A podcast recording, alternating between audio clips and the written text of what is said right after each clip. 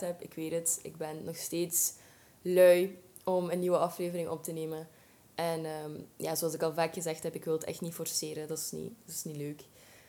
But, vandaag, eh, zoals ik al had verteld op mijn Instagram, is er een surprise. En eh, de surprise gaat zichzelf voorstellen. Hallo allemaal, uh, mijn naam is Sarah. Um, goh ja, ik ben 19 jaar. Um, ik kom van Scherpenheuvel. Uh, en ik ken Celia, misschien moet ik dat ook wel uitleggen. Eigenlijk kenden we elkaar niet.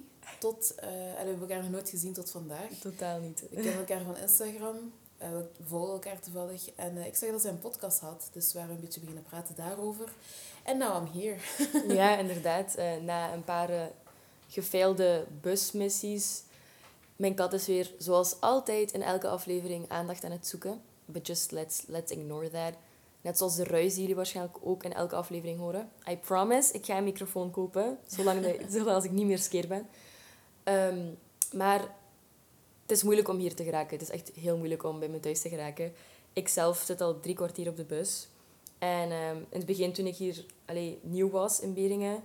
Ik ben echt zo vaak gewoon misgelopen en, en bussen gemist. En ik ben geëindigd in een lommel. En ja, heel, heel verhaal. Mm. Maar goed. Um, hoe is mijn week geweest? Sava, het is echt heel druk met school, to be honest. En daarom ook dat ik echt geen zin had om te zitten en tegen jullie te praten. Dat klinkt heel verkeerd, maar... uh, ja, de examens komen eraan. Sorry to remind you, but you should study right now, because... Het is echt nog wat, nog drie weken of zo, vier weken. Allee, ik weet niet hoe het voor u is, maar... Ja, ik herinner me niet meer van... Allee, voor mezelf ga ik daar niet even niet over nadenken. Ja, nee, nee, voor jullie is het wel echt... Voor ons is het nu ook uh, binnenkort. En uh, ja, het is gewoon echt heel druk. Leerkrachten doen altijd hetzelfde. Altijd zo voor de examens gaan die zo alles erin proppen, omdat ja. die zo geen genoeg, alleen niet genoeg tijd hebben gehad om leerstof uh, te, mm. ja, dingen te geven. Dus goed. En, hoe gaat het met u? Ça va. Um, ik ben echt blij om hier te zijn, maar dat hadden we zo al ja, een beetje besproken. inderdaad. um, het is gek om hier te zijn, maar ik ben blij om hier te zijn om je ook nog eens te zien en zo. Um, hoe was mijn week geweest? Super, super, super druk. De komende twee weken gaan ook echt belachelijk druk zijn, want zoals je al zei, uh, leerkrachten doen echt hun best om altijd de traditie hoog te houden en te wachten tot het laatste moment. Dat is echt, dat is echt. Om echt de leerstof door ons te pompen. Um, ik had er net verkeerd gesproken bij ons. Ik heb misschien ook nog drie weken of twee weken echt of wel les. En dan daarna moet ik ook studeren voor mijn examens. Het verschil bij ons is, ik heb wel twee weken voorbereiding, dus blok. Um, en dan gewoon examens. Um, dus ja. Yes, we're all in the shit right now, man. Mm. Maar echt waar. Um, maar goed, eigenlijk, vandaag gaat het, gaat het geen, geen te lange intro worden, omdat we hebben ook een beetje zitten te klungelen met uh, de audio en uh, een beetje alles voor te bereiden. en we hebben heel veel vragen gekregen van jullie en ik ben zo blij eigenlijk, want uh, ik had het eigenlijk niet verwacht. Maar we hebben echt, ik heb, we hebben een blad voor ons met alle vragen en we zitten echt aan de 16 of zo hebben die een beetje in volgorde gezet. En uh, we shall answer them for you. Alleen meer, ik, meer zij als ik, want uh, ja, zoals jullie weten, ik zit in het middelbaar. En uh, zij doet nu... ik studeer sociaal werk aan de Erasmus Hogeschool in Brussel. ja. Dus, ik dat ik dat niet had gezegd. Ja, in mijn... Kan dat? Ik weet het niet. Ik denk dat je het nog niet had gezegd. Dat is geen erg nu Goed. Zit. voilà. Dus daarom is zij veel beter om op deze vragen te, Allee, te antwoorden als ik. maar hoe gaan we het doen? Ik ga haar uh, de vragen stellen die jullie aan mij hebben gesteld. Come on, man. Shut up. ik hoop echt dat je dat niet heel veel hoort, maar maakt niet uit. Uh, en dan ga ik eigenlijk daarop antwoorden in, met, met de kennis dat ik heb, wat niet zo heel veel is.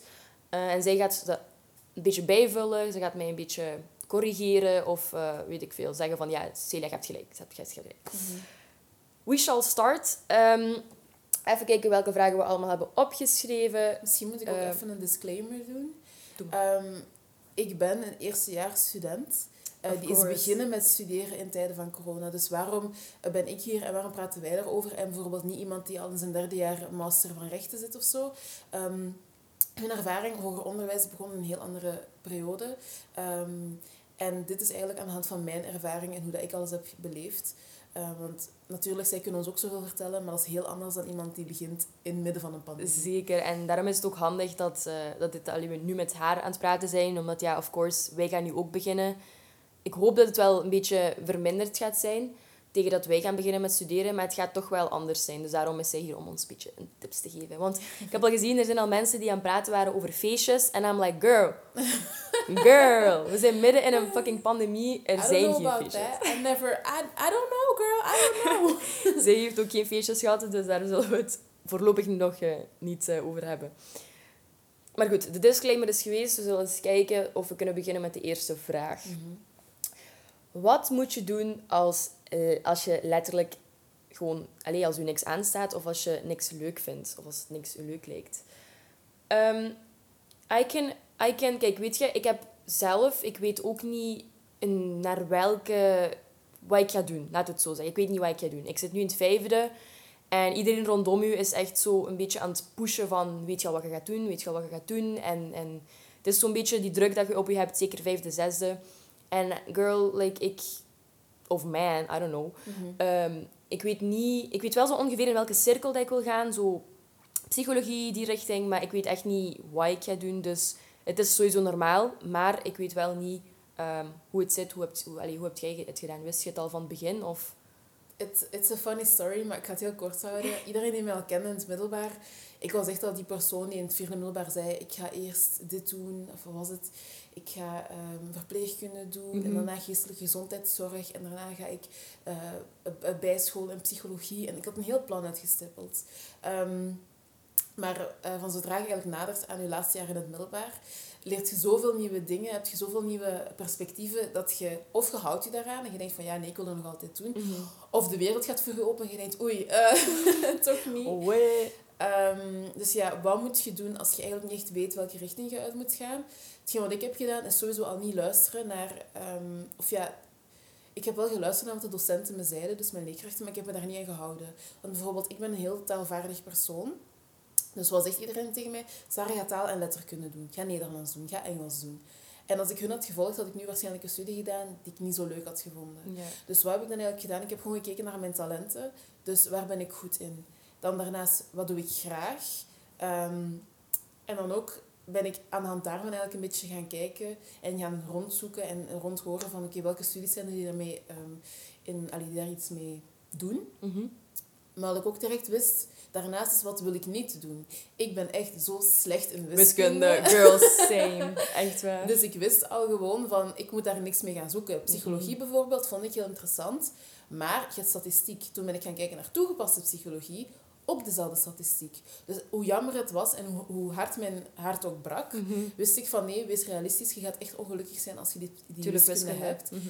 Dus cancel it out en ga op zoek naar wat, wat wel leuk is en ook in dezelfde richting is en geen, yeah. geen ehm, statistiek heeft. Ja, of course.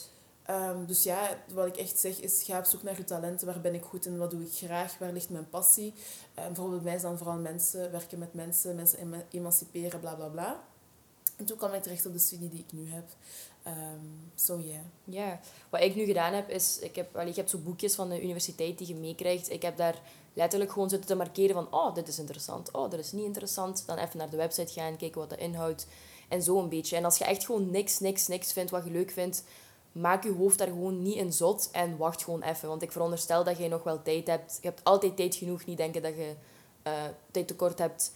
En ja. Wat je um, sowieso niet mocht laten doen, is je kop zot maken. Tuurlijk niet. Ik was zelf in juni van, oké, nu ben ik afgestudeerd. En echt een week later zat ik al sites en boek, sites te onderzoeken, boekjes te bekijken, dit, dat.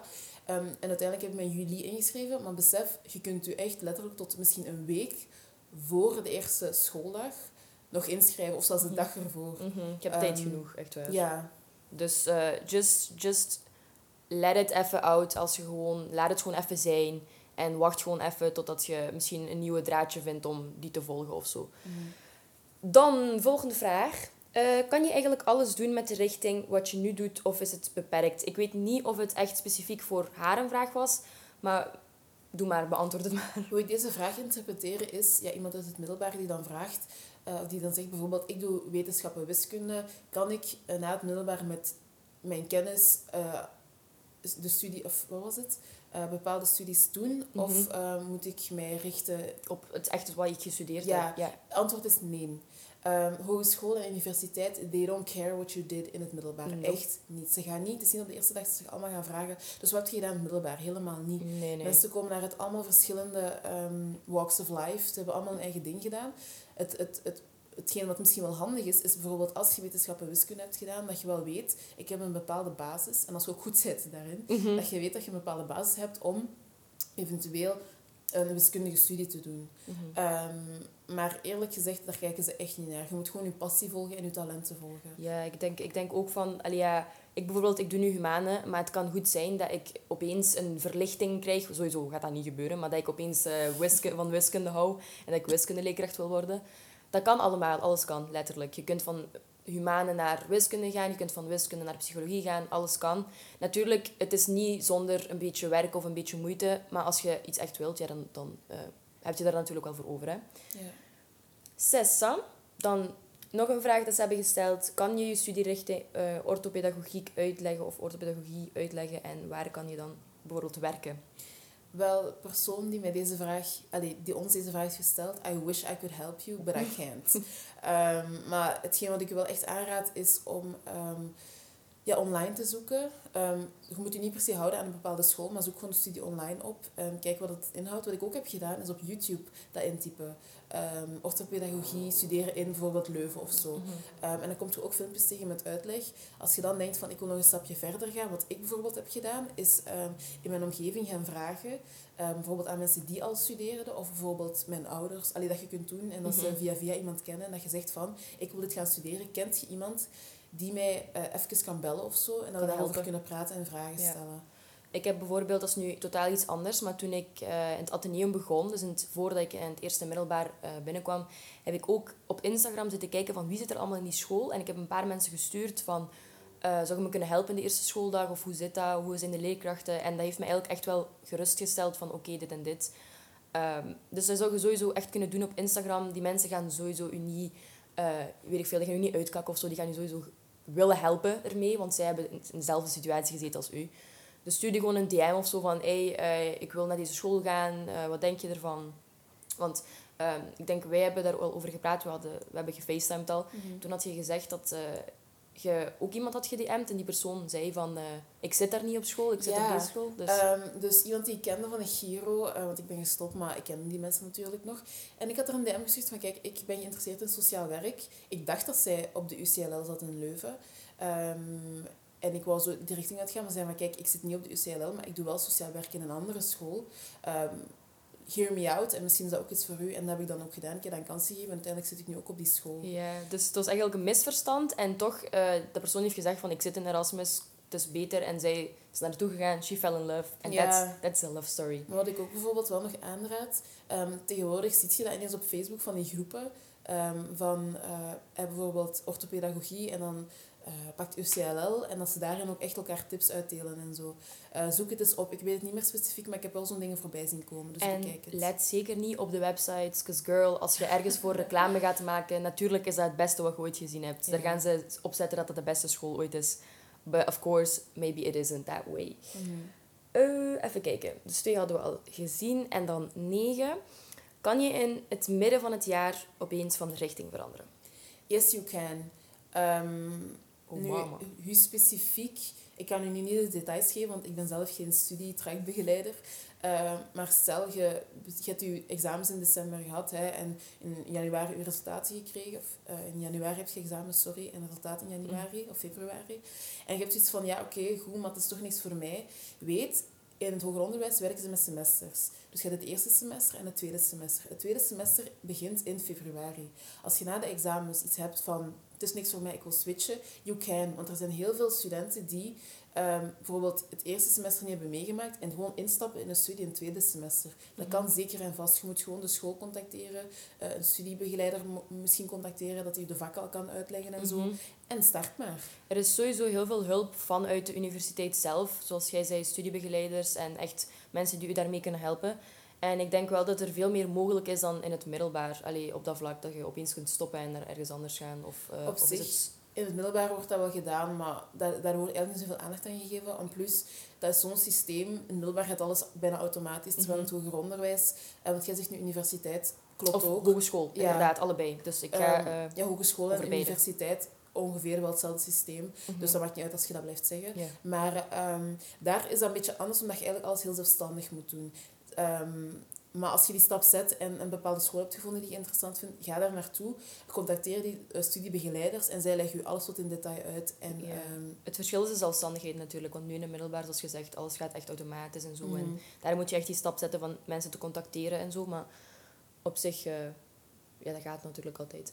Maar om je vraag te beantwoorden, ja, het gaat. Als je gewoon de juiste contacten legt en het een beetje overlegt uh, maar het is normaal. Ik bedoel, ik, uh, veel mensen zijn daar, zullen we zelfs ook meer op ingaan. Er zijn mensen die ook gevraagd hebben van wat als uh, het me niet aanstaat en zo. Maar dat, dat kan natuurlijk, hè, dat is normaal. je weet niet... Allee, ja, personen maken fout. Ik ben sowieso zeker dat ik die persoon ga zijn. Ik ga psychologie doen of zo. En een paar maanden daarna ga ik zijn van... Oh, I get bored real mhm. quickly. Dan, uh, we hebben het ingedeeld in thema's, zoals ik al zei. Nu zullen we verder gaan. Dus een volgende thema gaat meer over toelages en geld en, en al die dingen. Want ik, ik veronderstel, allee, ik zelf ook, veel mensen hebben daar uh, ja, vragen over natuurlijk. Hè? Want het is een heel grote stap. Je moet alles zelfstandig gaan doen, je moet werken, dit, dat. Dus vraag 10. Uh, eh, ah ja, daar moet ik... Oh, daar had ik niet aan gedacht. Daar moet ik, die, die vraag heb ik niet opgeschreven, maar die staat op mijn gsm. We zullen verder gaan naar de volgende, zoals zelfs wel zien. Ja. 7. Dus uh, do you have any budget uh, beheertips voor ja. ons? um, allereerst wil ik zeggen, het spijt me zo enorm voor alle mensen die voor mij zijn gekomen, die daar allemaal vragen over hadden. En het meest hatelijke is, mensen doen daar zo geheim over. Als het over geld gaat... Oh ja, yeah, of course. Zeker hier in België. Oh nee, oh geld. Ja. ja, ik weet niet echt. Je moet gewoon een beetje dit, dat. Ik denk, nee. Ik ga gewoon heel eerlijk met jullie zijn. Heel open. Um, want alleen zo kunt je, heb je ook echt iets aan hetgeen wat ik zeg. Of course, Ik kan yeah. er ook een beetje vaag beginnen praten, maar dat helpt niet, hè. Dus uh, budgetbeheer hoe heb ik het aangepakt? Um, ik keek allereerst naar mijn inkomen. Nee, jawel, ik keek allereerst naar mijn inkomen. Dus voor mij, mijn inkomen is mijn spaargeld, want ik heb altijd gewerkt, um, al vanaf mijn 15 en ik heb ook geld gespaard. Mijn ouders hebben ook geld gespaard, specifiek een aparte spaarrekening voor als ik ging verder studeren. Dus ik had mijn spaargeld, ik had ook mijn, um, het geld op mijn zichtrekening, dus mijn directe inkomen van wanneer ik ging werken. Mm -hmm. En daarnaast had ik ook mijn studietoelagen, want ik heb daar ook recht op en ik gebruik het ook uh, voor mijn studie. Die drie um, dingen zijn mijn inkomen. Dan moet je eigenlijk kijken naar hoeveel heb ik eigenlijk in totaal. Je moet niet alles gaan verdelen. Of misschien wel je studietoelagen en je spaargeld. Dat is eigenlijk een, beetje vast apart. bedrag. Maar dus de studietoelagen zullen we zelfs ook meer op ingaan als jullie niet weten wat het uh, is. Maar dat is ja, even apart ja. voor zelfs. Dus je studietoelagen en je spaargeld is eigenlijk een vast bedrag. Daar komt niet per se iets bij of zo. Ja, ja, ja, inderdaad. Um, en dat is iets eigenlijk waar je bijvoorbeeld naar kunt kijken van met, met, dit grote, met deze grote som ga ik en mijn boeken betalen, misschien een laptop als je die nodig hebt, mijn mhm. schoolmateriaal, mm -hmm. uh, mijn abonnementen van de bus, trein, ja, whatever. Dus eigenlijk gewoon, je kijkt naar je inkomen en je kijkt van wat moet ik uitgeven, wat moet ik ja, allemaal gaan uitgeven. Ja, um, dus dat is eigenlijk een hele grote uitgave die je doet aan het begin van het jaar. Dat is ja. standaard, daar kun je niet omheen. Ja, tuurlijk. Ja. Um, en dan moet je dat, ik heb het geluk dat ik de privilege, het privilege had om te kunnen sparen en mijn studietoelagen te gebruiken. Dat is, ja. Uh, even vragen, is uh, de universiteit en hogeschool, is daar, zit er een verschil in prijs of is het eigenlijk hetzelfde? Hetzelfde. Hetzelfde, oké. Okay. Ja. Continue. Um, kan het misschien bijvoorbeeld zijn als je meer een praktijkgerichte studie hebt, dat je meer moet betalen qua um, materiaal. materiaal. Maar dat, is heel, dat ligt aan elke studie Tuurlijk, apart. Ja, ja, okay. um, maar geen groot verschil, dus nee. op zich maakt het niet uit. Dus ja, dat is dan één ding.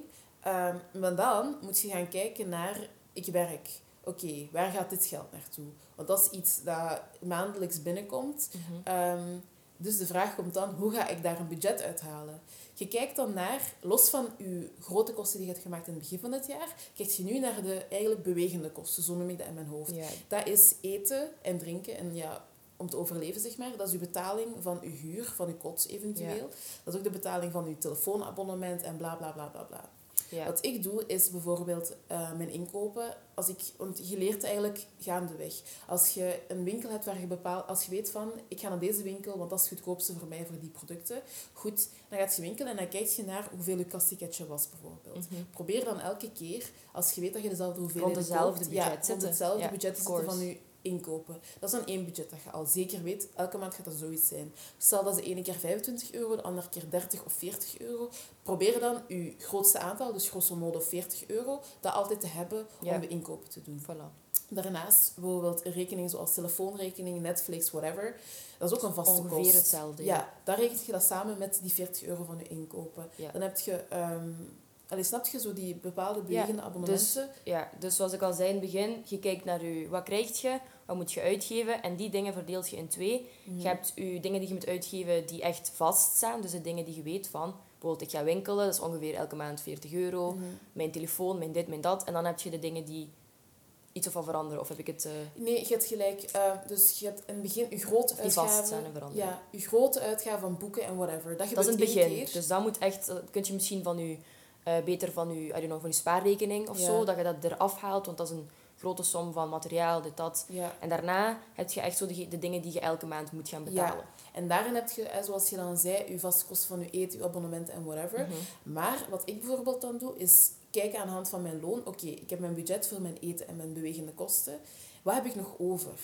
En dan met hetgeen dat ik over heb, doe ik dingen zoals eh, een, een budgetje, een, een, een, een, een soort van zakgeld om op café te gaan of iets Of te course, eten ja, of zo. Tuurlijk, dat is ook nodig, hè. Allee, ja. Inderdaad, inderdaad. En dan moet je dan voor vrijmaken. En dan bijvoorbeeld ook dan een klein stukje nog aan, apart, aan de kant, sorry, apart om te sparen. Ja. Dat moet je altijd doen. Ook Het is echt een heel grote verdeling van geld. Dus daar moet je echt op letten. Want allee, ja, je moet een klein beetje nog hebben voor je pers- personal life. Ja. Een klein beetje voor echt aan de kant te zetten van te sparen. Voor als er iets zou kunnen gebeuren.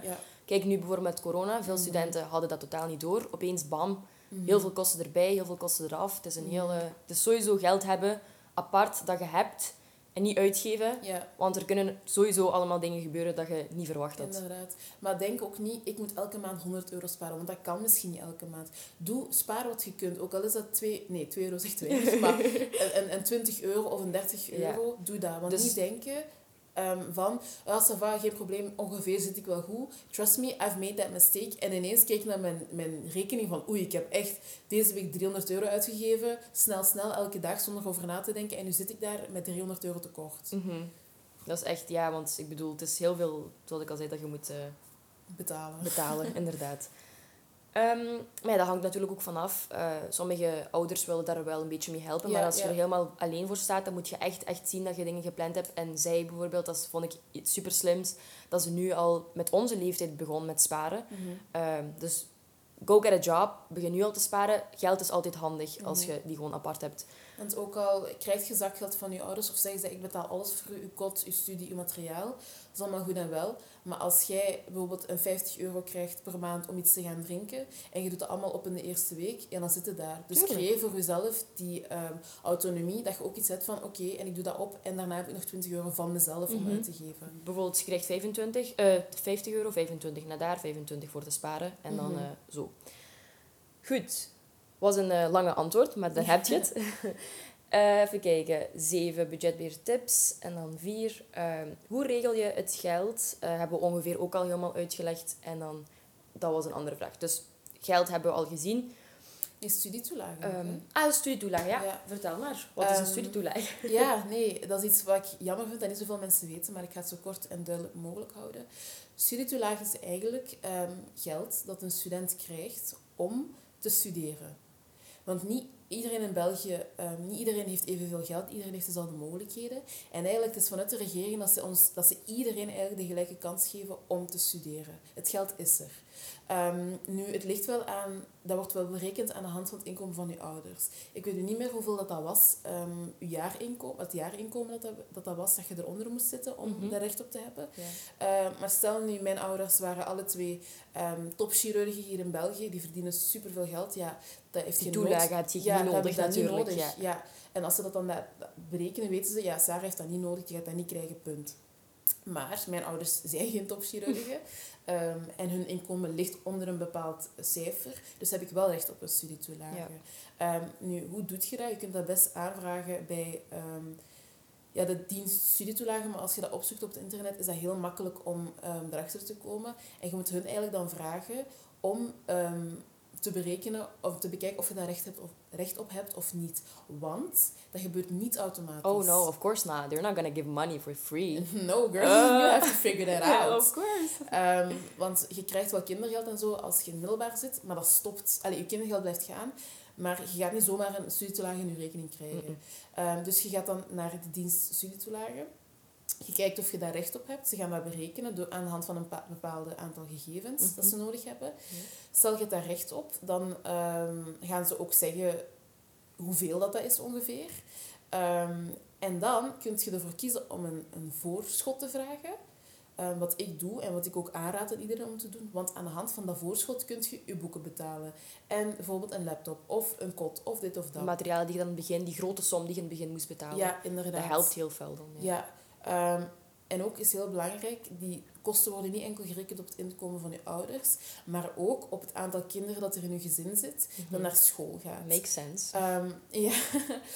um, ook um, of je naar kot gaat of niet. Um, want dan gaan ze ook een beetje meer geven dat je dat kunt betalen. Um, en ook of je een werkstudent bent, bla bla bla, maar dan leggen ze daar allemaal heel duidelijk ja, uit. Inderdaad. Dus het is heel erg belangrijk voor iedereen. Ook al weet je, mijn ouders hebben een goed inkomen, check dat voor de zekerheid. Want dat is een hele grote som geld dat je misloopt. En um, over welke bedragen heb ik het? Dat kan ongeveer 3000 euro of zo zijn, dat je op een, een academiejaar krijgt.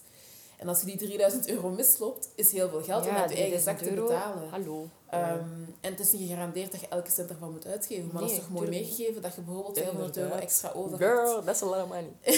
ja. Um, um, en ik denk ook, ze laten u kiezen, of zoals je zei, of je dat uh, in delen wou of, of delen wilt, was het niet, of ja, helemaal. ze doen het eigenlijk zo, ik moet stop met uim zeggen. Ze doen het oh nee, maar dat doe ik ook hoor, doe ik echt ook. Ik heb, ik, dat is echt iets wat ik moet afleren. Ze doen het eigenlijk zo dat ze zeggen, kijk, dit is het aantal dat je krijgt, punt. En het gebeurt vaak eigenlijk dat dat rond de periode april of zo binnenkomt. Maar dat is veel te laat, want dan heb je al je kosten al gedaan. Dus dan kun je al aan de persoon die je dossier eigenlijk behandelt, duidelijk aangeven van kijk, ik heb op het moment niet zo heel veel geld extra en ik zou graag mijn studietedag zo vroeg mogelijk al gebruiken om mijn materialen of mijn spullen aan te kopen. Mag ik een voorschot? Dan zeggen ze ja, geen probleem. En dan gaan ze met u het proces starten en dan geven zij u ook duidelijk aan van kijk, in deze periode gaat je voorschot krijgen. Dus je moet daar ook wel echt uitdrukkelijk naar vragen. En voor zij die echt dat dringend nodig hebben, als ze mhm. beginnen, zeg dat heel duidelijk. Leg eerlijk uit wat de situatie is. Ze gaan je daar niet voor oordelen. Nee, of course. Nou, er zijn ehm, veel mensen hoor. En ik bedoel, het is niet iets wat... Uh, het zijn er heel veel die dat gebruiken. Daarom. Um, en ze helpen u. Dus gewoon vragen stellen. Voilà. Um, en ja, sowieso als je veel broers hebt, dat is ook uh, meegekregen natuurlijk. Hè? Ja, hoe meer kinderen, hoe meer geld. voilà. En um, even kijken, dan zullen we verder gaan. Want er is, uh, was een meisje die mij een hele grote vraag had gesteld. Maar zoals ik al zei, ik kan nu even niet weggaan van mijn gsm. Dus dat zal ik op het einde doen. Uh, want ik ben bang dat audio opeens gaat weggaan. Dus we zullen even verder gaan naar de volgende thema. De werking van UNIF slash hogeschool. Um, even kijken, tot hier. Dus um, de Banaba-jaar. Dus dat is, maar dat zal ik misschien beter uh, even aan de kant laten. Want dat is een andere vraag. 12. Verschil tussen unief en hogeschool. Dat is een goede vraag om daarmee te beginnen. Ja. Het verschil tussen unief en hogeschool is... Um, universiteit is heel erg theoretisch. Um, je hebt daar studies zoals psychologie, uh, geneeskunde... Um, wat heb je daar nog allemaal? Rechten. Biologie of zo, wiskunde, zo van die dingen. Ja, rechten en um, whatever there is more. Mhm. um, dat is allemaal heel theoretisch. Uh, dat is heel theoretisch. Dat kan wel zijn dat je stages hebt um, of bepaalde practica, maar dat komt heel vaak vrij laat. Tijdens de examenperiode waarschijnlijk. Nee, nee, nee. nee, Bijvoorbeeld, ik, ik, ik heb over laatst nog gesproken met iemand die nu een psycholoog is en zij zei, ik had pas in mijn laatste twee jaar of zo stage. Oh. Terwijl bijvoorbeeld in het hoger onderwijs, maar dat ligt ook aan de school natuurlijk, heb ik nu in mijn eerste jaar al een stage gehad.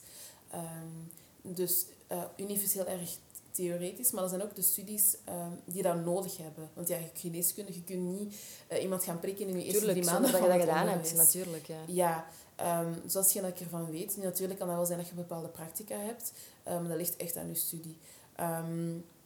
Nu, onderwijs, langs de andere kant, waar ik veel meer over weet, is eigenlijk zijn verkorte traject.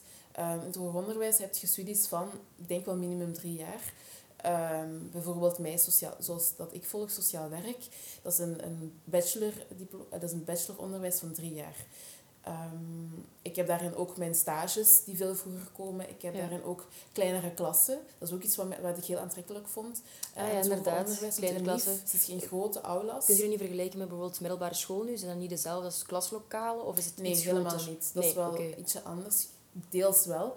Maar in Tunesië is je eigenlijk in grote aulas, wordt alles een beetje aan iedereen tegelijk gegeven. Misschien iets minder persoonlijker als hogeschool. Ja, ja. Uh, dat heb ik wel heel veel gehoord van letterlijk iedereen die op de universiteit zit. Terwijl op de hogeschool, zeker op mijn school, die heel familiair is, hebben we bijvoorbeeld een eerste jaar sociaal werk waar we in het begin met uh, iets of wel van 90 studenten. Ja. Wat wordt er gedaan? Die 90 studenten worden verdeeld in twee klassen A en B. Dan heb je 45 of 40, 50. En in die 40, 50 wordt je ook nog eens gesplitst voor bepaalde lessen in klassen. Want je hebt les van een bepaald vak. Wij allemaal tegelijkertijd met 90 man of met 50 man volgen die les online of in de aula. Yes. Maar voor bepaalde vakken die meer persoonlijker zijn, zitten we in de klas wel met 20 man. Oh, dat is zoals ik dan bijvoorbeeld, want ik zit nu ook met 20. Dus als, natuurlijk, dus universiteit is iets minder persoonlijker als, of familiair. Hangt er ook natuurlijk vanaf welke school of universiteit je gaat.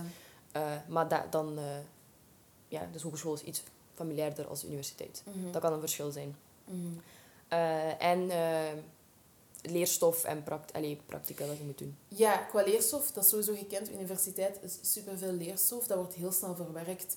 Um, dat is ook belangrijk omdat dat hele, ja, serieus, elke studie is serieus, maar het zijn wel dingen die heel veel leerstof heel snel, heel veel tegelijkertijd. Dat je ook heel zelfstandig moet verwerken. Um, terwijl hoger onderwijs is ook heel veel leerstof. Maar um, hoe moet ik het zeggen? Een mix een beetje. Ja, we hebben een mix, want in onze, in onze lessen, of ja, voor mijn studie vooral sociaal werk, heb je heel veel debatten, heel veel discussies tijdens de lessen en zo. En daar is ook ruimte voor. Dat leuk. We hebben ook heel veel leerstof dat wordt gedaan, maar het is bijvoorbeeld als ze wel zeggen uh, tijdens de les van, uh, we gaan dit tot we, uh, we, gaan dit nu bekijken tot deze dia. En dan daarna gaan we even spreken daarover. Mm -hmm. um, dus meer misschien van begrijp wat je aan het doen bent en wat je gaat leren bent. Meer van... Er is veel meer ruimte voor dialoog en discussie en zo. Terwijl ik denk, in het UNIF is dat echt... Dat wordt misschien dat, dat wordt even gedaan, maar dat, dat het gaat zo misschien snel. op een bordje gelegd en Ja, het is zo snel en zoveel. Je hebt echt geen tijd om een half uur in de les te zitten praten over een bepaald onderwerp. Nee, nee, inderdaad. Het is meer zelfstandig dat je dat thuis een beetje meer moet ja. innemen. Ja. Um, dus ik veronderstel dan als je echt die keuze wilt gaan maken, dat je echt in jezelf moet denken van wil ik meer uh, echt dat ik leerstof wordt voorgelegd en dat echt heel veel leerstof is en dat ik dat dan zelfstandig thuis uh, bekijk. Of mm. wil ik meer naar de hogeschool gaan? Dat is meer, uh, zoals gezegd, dialogen en iets minder leerstof. moet je echt zelf zien wat je, wat je het beste... Bijvoorbeeld ik, ik weet, ik nu ik heb dus heel veel leerstof in mijn hoofd duwen is ook niet... Allee, mm -hmm. Dus daarom moet je kijken, ik weet niet. Maar je moet ook wel zien, het ligt aan de studie. Hè? Want ik spreek nu uit, uit, uit, het perspectief van een sociaal, toekomstig sociaal werker. Ja. Dus bij ons is het heel logisch dat er heel veel wordt gepraat en dat we heel sociaal ah, ja, ja, tuurlijk, tuurlijk, ja. Terwijl um, je hebt bijvoorbeeld ook rechtspraktijk. Dat is ook een, een studie in het hoger onderwijs in een, een bachelorstudie, mm die ook heel theoretisch is en heel dingen. Maar het verschil met rechtspraktijk en dan bijvoorbeeld rechten, in de rechtspraktijk heb je stages. Um, en heb je ook um, stages en dan word je ook casussen voorgelegd. En dan is het, um, is het eigenlijk zo dat je bij een bachelordiploma wordt je klaargestoomd om zogezegd na die drie jaar direct op de arbeidsmarkt terecht te komen. Yes. Terwijl bij de rechten op het UNIF ik weet niet meer precies hoe lang dat, dat duurt. Ik dacht vijf jaar of zo. Kan. Dat je daarna kon masteren, whatever. En dat je pas in je laatste periode van je traject je stages hebt en dat je eventueel op de arbeidsmarkt terechtkomt. Ja. Um, dus bij bachelor is eigenlijk gewoon een, een hogeschoolonderwijs, alleen hogeschoolstudies eigenlijk zo. Korte traject, waarom? Want het is eigenlijk de bedoeling dat je na je studie direct al begint. Begint ja. werken, ja. Dus we zullen gewoon als main verschil gewoon uh, de leerstof. Allee, de hoeveelheid leerstof en dat je ergens meer praktijk hebt dan bij de universiteit. Dat is de main eigenlijk. Ja. Want het hangt altijd van uh, welke studie jij neemt. Inderdaad. Uh, let's see for the next question. Ah, hier had iemand zich vergist met het Erasmus. Dus is Erasmus een internationale hogeschool waarmee je dan ook in het buitenland kunt gaan studeren? I wish I was in Spain right now. Girl. Oh, girl. On the beach. um, nee, jammer genoeg niet.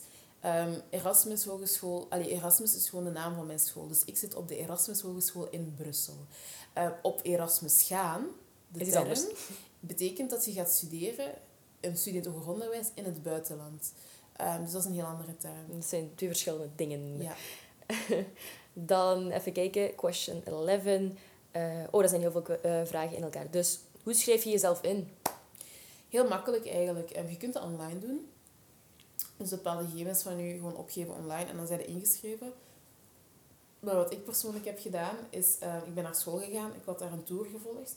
En pas toen ik daar was en ik de feeling van de school had... Um, ja, de cultuur van de school. Dat is misschien het slimste eigenlijk, als je ja. daar gaat. Ja. En dat, dat, daar raad ik iedereen wel aan. Ga naar de school. Tuurlijk, zodat je die mensen hebt gezien, dat je het gebouw hebt gezien, dat je ook in die stad bent geweest. Mhm. Als je dat goed voelt, dan zeg je dat gewoon tegen de persoon en die leidt u dan naar iemand die u kan inschrijven. Ik denk dat echt dat je naar alle factoren moet kijken. Uh, bijvoorbeeld in een, in een stad gaat je daar gemakkelijk kunnen geraken. Uh, Of vind je de stad zelf leuk? Bijvoorbeeld, je moet niet naar een school in Antwerpen gaan als je Antwerpen niet leuk vindt, bijvoorbeeld. Dus echt, we raden u aan, ga naar die school ga rondkijken, kennis maken met de leerkrachten. En ik denk wel, want bij u was het direct van, oeh, good feeling, good feeling, I love this. En ik schreef me in. Because imagine dat je je even inschrijft, je gaat naar daar en dan zit je van, what the fuck, waar ben ik beland? Ja, mhm. dat is ook niet de bedoeling natuurlijk. Mhm. Ehm, hoe werken de examens daar? Daar kan ik niks van. Dus het, ga je gang. Ze zeggen het veel complexer dan het eigenlijk is. Oh, zoals, net zoals alles, waarschijnlijk. Ja, maar echt. En ik vond het... Ik, ik, ik, ik was eigenlijk van, oh my god, is dat wat? dus je hebt gewoon les. Allee bij, allee, bij mij is dat zo, maar dat is bij iedereen wel in dezelfde lijnen. Je hebt les van september tot december. Dan heb je de kerstvakantie, dat is de blokperiode. En dan in januari heb je examens. Simple as that. Mhm. En dan... Ehm, in januari zijn examens en dan loopt dat, ligt aan de school hoe lang dat die duren en hoe en wat. En per vak misschien ook. Want misschien hebben uh, ze veel meer examens in één richting dan een andere bijvoorbeeld. Of is ja, inderdaad. inderdaad. Um, dus dat is heel subjectief aan de hand van je school. Maar in grote lijnen loopt dat een beetje hetzelfde. En dan heb je eigenlijk in januari dus je examen. En dan tegen eind januari, begin februari hoort je klaar te zijn. Um, en dan heb je even zo een, een rustweekje. Ehm, hoe noemen ze dat? Lesvrije week noemen ze dat. En dan um, daarna begint het tweede semester gewoon in februari. Um, en hoe zit het nu met, want ik weet nog dat ik op school hebben even zo'n infomoment gehad met de school, hadden ze uitgelegd. Hoe zit het eigenlijk met vrije tijd? Heb je eigenlijk, want bijvoorbeeld, nu moet je gaan leren in de vakantieperiode bijvoorbeeld, maar heb je dan een vrije tijd? Dat is echt iets wel, dat, dat is ergens zo stom, maar aan de andere kant, het kan niet anders. Way, ik ben ook vergeten, je hebt dus gewoon les in februari tot juni en dan heb je terug examens. Mm allee, eind mei en dan juni examens. Uh, nu, vrije tijd, dat was ook iets wat ik echt moeilijk vond. Um, Because you got none. Ja, nee. It's a prison. Girl. um, ja, je hebt sowieso een weekend. Snap je? Het weekend heb je les. Sommige dingen hebben het weekend geen les, want dat kan gebeuren. Dat je voor bepaalde studies op een zaterdag Um, nee, dat is niet waar. Nee? Oké. Nee, dat is niet waar. Ik herinner me wel dat iemand op een zaterdag een examen had. Ah, oké, oké, oké. Goed. Dus geen les op een zaterdag. Normaal gezien niet. Vast alarm. Normaal gezien niet, hè. Um, dus de vrije tijd was uw vraag. Yes. Um, kijk, je hebt maandag tot vrijdag les. Um, maar het is niet zo, bijvoorbeeld in middelbare, dat je van 8.30 uur tot 3.30 uur op school zit. Misschien nog een 8 hebt. No. Het kan zijn dat je op maandag je lessen starten van 9 tot... Dat je les hebt van 9 tot 6. Heel verspreid. Dat je dan op dinsdag ineens pas een les hebt om 2 uur tot 4 uur. Dat je op woensdag dan ineens les hebt van 9 tot 3. Dat is heel, heel, heel anders. En, en hoe doe je dat met combinatie met je werk bijvoorbeeld? Want dat is wel... Ja, ik, wat ik in middelbaar deed was gewoon van maandag tot vrijdag naar school. En dan... Um, uh, op zaterdag werken en dan zondag mijn rustdag. Ja, zoals altijd. Maar dan nu met de universiteit dat toch... helemaal. Want ik heb dan bijvoorbeeld... Ik kon ervoor kiezen om op zaterdag te blijven werken. Maar die mogelijkheid had ik niet meer, omdat ja, mijn job viel weg. Dus ik moest ander werk zoeken door corona. inderdaad. Maar um, ik heb dan nu een andere job, waardoor ik op weekdagen eigenlijk kan werken. Nu bijvoorbeeld, wat was dat vorige week ergens, had ik gewerkt op um, een donderdag van 6 uur tot um, tien uur had ik gewerkt. Het is misschien het slimste om als je een job neemt, dat je echt je dagen zelf kunt kiezen. Want heb je elke week misschien... Uh, dus elke week is het anders. De uren kunnen altijd veranderen. Dus dan is het stom als je een werk hebt en dan... Allee, is... Je moet zien als student dat je heel flexibel bent. Um, maar ook gewoon zien voor jezelf, wat kan ik aan? Als jij iemand bent die heel veel, um, heel veel doet doorheen de week, dus je hebt je lessen en bijvoorbeeld elke dag zegt van ik ga elke dag samenvatten, ik ga elke dag al mijn lessen doen, ik ga elke dag... You shouldn't, want dat is echt heel veel, maar als je zo'n persoon bent, maar het is ja, misschien... zo heb je er ook. Hè. Ja, inderdaad. Um, dan raad ik heel sterk af om in de week te gaan werken, want dan gaat je zo moe zijn in het weekend. Um, dan kun je bijvoorbeeld voor die mensen die dan heel intensief werken voor school doorheen de week, gaan het weekend werken. Voor zij die in het weekend de mogelijkheid niet hebben om te werken en zo weten dat ze doorheen de week wel wat balans hebben tussen uh, school en ontspanning en dergelijke, dan kun je bijvoorbeeld zoals mij een maandag en een donderdag is drie uurtjes gaan werken of zo. Ja. Um, dus je moet flexibel zijn. Nu dan ook de vakanties. het was een little bit of a shock. dat ik ineens in de, in de, in de um, kerstvakantie moest, studeren. Oh, dat lijkt me zo stom. Dat was van, oh my god, iedereen heeft vakantie en ik zit hier nu te blokken. Dat is stom, maar zet u eroverheen. Want u, u, u het moet gewoon. vinden, het heb moet je niks aan. Voilà, het, moet. het moet. Wat je dan wel moet doen, is bijvoorbeeld dat goed inplannen. Als je zegt van, bijvoorbeeld wat ik had ingepland in de paasvakantie was de eerste week, ga ik fully werken voor school. En aan de tweede week ga ik een beetje rustiger aan doen. En vanaf woensdag tot zondag rusten. Niks maar je kunt, je kunt het plannen hoe je wilt. Allee, het, is, uh, het is gewoon... Allee, hangt er vanaf van hoe een persoon dat jij bent. Ik weet, oh, ik ga sowieso alles op het laatste moment doen. To get over myself, man. Ja. Uh, even kijken, was, hoe lang? Hoe lang bleef je gemiddeld op de unie? Ah, dus hoe lang bleef je gemiddeld op de universiteit slash hogeschool? We hadden dat al besproken, dat het eigenlijk echt van afhangt van je, studie. van je studierichting. Normaal gezien zit het tussen de drie, vier jaar, vier jaar? ik weet dat niet, ja, zoiets. En dan op Univia, dat kan tot Dat kan echt heel veel, ja. Want je moet ook, aan je ook bijvoorbeeld je... Wacht, hè. Correct me if I'm wrong. Dus je hebt je, je bachelor en dan kun je een master halen. Ja, dan kun je een master Oké. Ja. Uh, en nu dat we het toch hebben over de bachelor en uh, de master, wat is die Banaba-jaar dan? Um, op zich Banaba-jaar, het is gewoon Banaba. Of een Banaba, ja. Dat is niet erg, ik zeg het maar gewoon. Yes, yes, yes. Um, dus Banaba. Banaba is letterlijk bachelor na bachelor. Je begint met een bachelor. Stel je voor... Um, ah nee, ik heb een Stel psychologie of zo? Nee, ik heb een heel goed voorbeeld ah, van iemand die ik zelf ken. Um, hij doet... Heeft, amai, hij heeft een bachelor rechtspraktijk. Mm -hmm. dat, dat is klaar. Die heeft daar drie, dat is een studie van drie jaar. Die heeft daar, daar kun je langer over doen dan drie jaar. Hè. Die persoon in kwestie heeft daar vijf jaar over gedaan. Maar wat is afgestudeerd, heeft zijn diploma. Maar hij zegt, nee, ik wil nog verder studeren. Dus wat doet die persoon nu? Hij doet een bachelor na bachelor cultuurmanagement. Dat is niet een studie die weer al drie jaar duurt. Nee, dat is een verkort traject van twee jaar. Maar deze persoon in kwestie is een werkstudent. Ah nee, deze studie, sorry, um, cultuurmanagement is een studie van één jaar. Maar deze persoon in kwestie is een werkstudent. Dus heeft hij gezegd aan de studietrajectbegeleider van kijk, ik werk, uh, ik werk ook door de week, dus ik moet dat een beetje spreiden allemaal. Wat heeft deze persoon nu gedaan? Die heeft ervoor gezorgd dat bepaalde vakken die eigenlijk dit jaar zouden gaan, die heeft opgeschuift naar volgend jaar.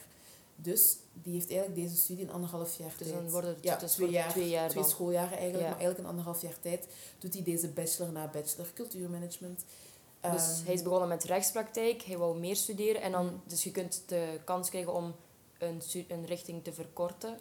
Ja, en Banaba is letterlijk een studie, Iets maar korter. Maar korter, oké. dus dan... Uh, en dan doordat hij werkt, was het van oké, ik ga dat verspreiden in nog een schooljaar, zodat ik dat gedaan krijg. En hij doet nu een Banaba cultuurmanagement. Dus dan heeft hij eigenlijk in totaal zeven jaar gaat hij dan studeren. Ja, Vijf, zeven. En zoals ik al zei, um, dus normaal gezien rechtspraktijk dat is drie jaar, maar hij heeft er gewoon langer over gedaan, omdat misschien door... En hoe zit dat? Want je kunt niet blijven zitten, bedoel ik. Nee, Dus dat is wat wij ook... Ja. Daar we ook over gepraat. Ik ga anders gewoon nu uitleggen. Blijven zitten in het hoger onderwijs bestaat niet. Um, buiten als je echt voor elk vak in je eerste en tweede semester buist. Maar ze zijn ook al studiepunten zijn ze ook kwijt en zo, maar op zich dat zijn andere dingen. Dat, dat is er gewoon niet. Het is niet zoals in het middelbaar dat ze zeggen van... Uh, blijf nu Op zich zet je op alles wel door, maar je resultaten zijn niet mooi genoeg, dus blijf maar zitten. Nee, nee, nee. nee, Um, het kan bijvoorbeeld wel zijn, ik ga een goed voorbeeld geven. De afgelopen examenperiode in december, ik was er door op alles buiten één vak. Um, ik heb één vak niet meegedaan. Dat vak, dat examen dat ik niet meegedaan, moet ik sowieso in een herexamen doen in um, augustus. Stel de examens die nu komen in juni, ik ben ook door op alles, heb ik nog altijd dat ene vak in augustus dat er hangt. Je neemt eigenlijk mee gewoon. Ja. ja.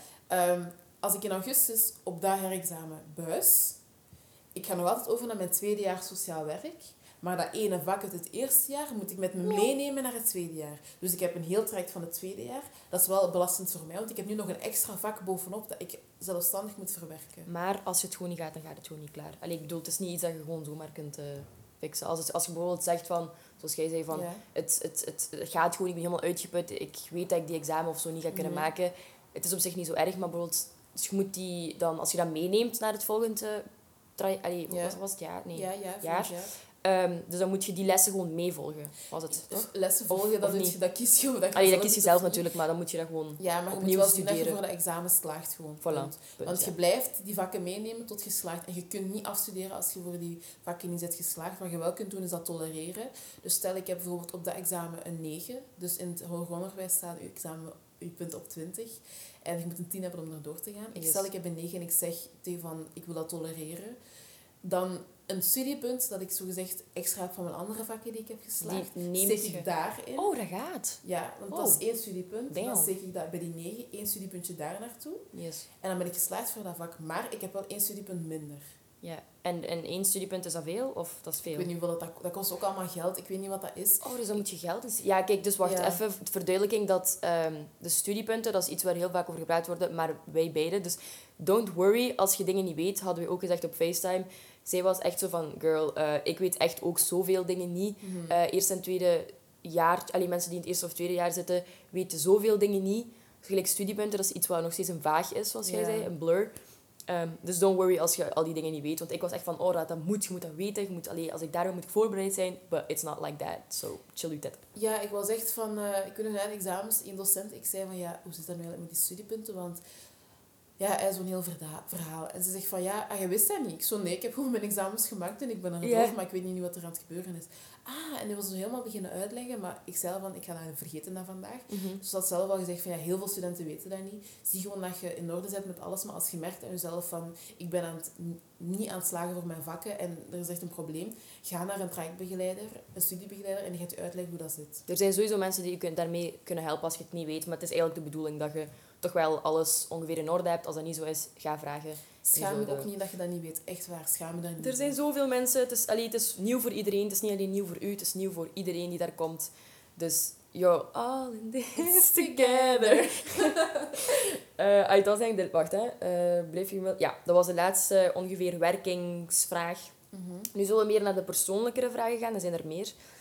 Uh, vier. Hoe regel je het geld? Dat wel gezegd. Ah, hier. Tips voor faalangst. Want ik ben bang dat ik aan iets ga beginnen en het niet kan. Wie deze vraag ook, de persoon die deze vraag heeft gesteld, ik spreek nu echt persoonlijk op u. Dus voel je aangesproken en luister alsjeblieft. Alleen als in, um, please listen to what I'm saying. Yeah. Um, ik zelf had ook heel veel last van faalangst in het middelbaar. Waarom? Er heerst zo'n cultuur van, als je het nu niet haalt, dan gaat het nooit kunnen. Mhm. En ik ben zo bang eigenlijk het hoger onderwijs ingestapt. Maar het ding is, het gaat alleen maar slecht als je het zelf slecht aanpakt. Um, wat ik heb gedaan is allereerst mezelf zoveel mogelijk informeren zodat ik bepaalde dingen al op voorhand een beetje wist. Een basis. Of van een idee over had. Ja. En dan aan de hand van die basis ben ik mensen gaan opzoeken waarvan ik wist, jij kunt mij helpen met dit specifiek ding. Uh, bijvoorbeeld, in Milbaar heb je um, leerlingbegeleiding. Ik ben er ook heel vaak geweest voor mijn falen. Zoals bij ons in Middelbaar ja, ook. Hè? Ik, had echt, ik, was daar, ik was daar elke week. Ik was daar elke week, ze kenden me wel. Um, en die heeft me eigenlijk geholpen en bla bla bla. Maar dat is nu even niet belangrijk. Nu in het hoger onderwijs heb je dat ook. Het ding is alleen, ze stellen zich voor, maar ze gaan weg. Het is niet dat ze in de les even komen, zoals in middelbaar, dat, dat de docent dat zegt in de klas, als ze zeggen van ja, Celia, dat is een beetje moe, dit, dat. Ze gaat naar, naar leerlingbegeleiding en die komt naar je toe. Dat bestaat nee, dat, dat, dat zijn zoveel studenten. Dat Tuurlijk, nee, nee. Dus wat moet jij dan eigenlijk doen? Je moet op zoek gaan naar wie is de studietrajectbegeleider of de studiebegeleider in mijn um, studie. Contacteer die persoon en zegt, hallo, ik ben dit, ik heb last van faalangst, kunt je me helpen? Mhm. Ik heb dat gedaan. En ik ga nu enkele tips geven um, die ik heb gekregen. Go ahead. Nummer 1, creëer zekerheid voor jezelf. Als je heel onzeker bent over uh, bepaalde vakken en over studeren en gaat het wel goed, je kunt je, kunt je zorgen blijven maken over dingen die je niet weet. Maar creëer zekerheid door bepaalde dingen wel te weten en daar ook invloed op te hebben. Dus ik heb invloed op mijn studeren. Hoe creëer ik zekerheid op dat vlak? Ik maak een studieplanner. Ik zet op een blad duidelijk, voor dit vak moet ik dit doen, voor dit vak moet ik dat doen. Dit zijn mijn deadlines, ik weet het al op voorhand. Ik heb die zekerheid al van, tegen dan moet ik dat af hebben en dit moet ik allemaal studeren. Ik zie dat al, ik weet dat dat moet gebeuren. Yes. Dus ik ben zeker van, oké, ik weet wat ik moet doen, daar houd ik me aan. Als je dan weer onzeker bent van ja, maar is dat wel goed wat ik aan het doen ben en ben ik wel juist aan het samenvatten, is dat de juiste informatie? Mhm. Ga naar die studiebegeleider. Dat zijn letterlijk studietrajectbegeleiders. Zij begeleiden je in je studeren en in je traject op school. Die zal je geruststellen natuurlijk. Ja. En zeker zoals, allee, jij ging er één keer per week in, dus die week heb je dan die zekerheid en dan kun je zo verder ja. gaan. Maar je kiest dan zelf eigenlijk hoe vaak, hoe vaak je daar naartoe gaat. Want bij mij was, zei ze ook van ja, als je wilt, toon je met je samenvatting eens. Het is niet de dat je elke week je samenvatting daar komt voorleggen, want dat kunnen ze echt niet Ja, nee, ze zijn veel te veel studenten. Ja, maar je kunt eens een keer daar langskomen met je samenvatting en vragen van de manier waarop ik het nu doe, is dat juist? Ja, dat is juist. Of nee, dat is niet juist. Je kunt dat best op die manier aanpakken. Als je inhoudelijk voor je vak zelf en de leerstof iets hebt van oei, is dat hier wel juist wat ik aan, aan, aan, aan het studeren ben? Ga naar je docent. Je kunt letterlijk een mailtje opstellen van hey meneer, bla bla bla. Voor dit vak, ik heb dit allemaal samengevat, maar ik ben niet zeker of ik wel goed bezig ben. Kan ik even bij u terecht om bevestiging te krijgen? Je moet dat niet elke week gaan doen, maar je kunt dat eens doen. Dat ze u goed op, de weg, op, goed op weg kunnen zetten. En je kunt dan of in de klas naar die docent toe gaan en dat hij dat even stoot. Of een mailtje sturen. Of een mailtje sturen. Of zelfs op Teams. Hoe vaak ik al op, wel niet op Teams of whatever het is van platform dat ze gebruiken gewoon één op één een videogesprek en dat je letterlijk zegt dit is het. En dat hij met een kort zegt ah ja dat is goed dat of nee ik zou dit, dit en dat doen. Ja. dus als je van je zeker van je zeker gewoon niet allez, van jezelf niet zeker bent probeer dan die zekerheid uit misschien andere personen te halen die daar wel meer kennis over hebben professoren weet ik veel. Maar ga niet naar andere studenten. Ga niet naar andere studenten inderdaad want dan gaat je alleen maar meer confusing ja, maken. ze kunnen misschien wel zeggen van uh, ik heb dat zo aangepakt maar zij zijn niet de waarheid of zij zijn niet het van het of u ze zijn niet u. Ik bedoel het is, iedereen heeft zijn eigen aangepaste manier om dingen te doen en te leren. Mhm. Dus dat is zeker belangrijk om naar iemand te weten die natuurlijk er kennis te gaan, die er natuurlijk kennis van heeft. Haal je informatie bij de bron. Ja, dus het is geen Wikipedia. Ga naar een fatsoenlijke website. ja. Uh, dan vijf. Uh, een tussenjaar is dat slim om te doen. Uh, dus dat, dat gingen we zo'n beetje verdelen. Want kijk, ik bijvoorbeeld, ik heb daar echt zo vaak over nagedacht. Ehm, ik weet ook bijna niks over mijn studies. Dus ik ben een persoon die een tussenjaar wou doen om dan zo'n beetje te zeggen van ik chill me hier ene. Of ik ga reizen in die jaar, of ik ga weet ik veel Maar nu ben ik er eigenlijk een beetje zo tot... Ik heb het licht gezien. Ik was gewoon van, kijk, een jaar... Ik ken mezelf als persoon.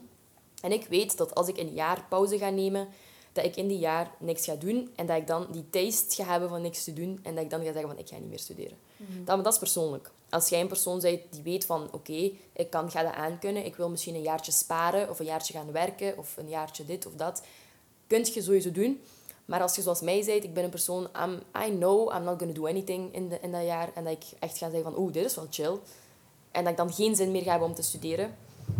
Maar je hebt bijvoorbeeld personen die die tussenjaar gebruiken om ergens anders te gaan studeren. Om zo bijvoorbeeld in Amerika te gaan leren voor een jaar en dan terug te komen of zo. Of mm. om iets te experiencen of zo.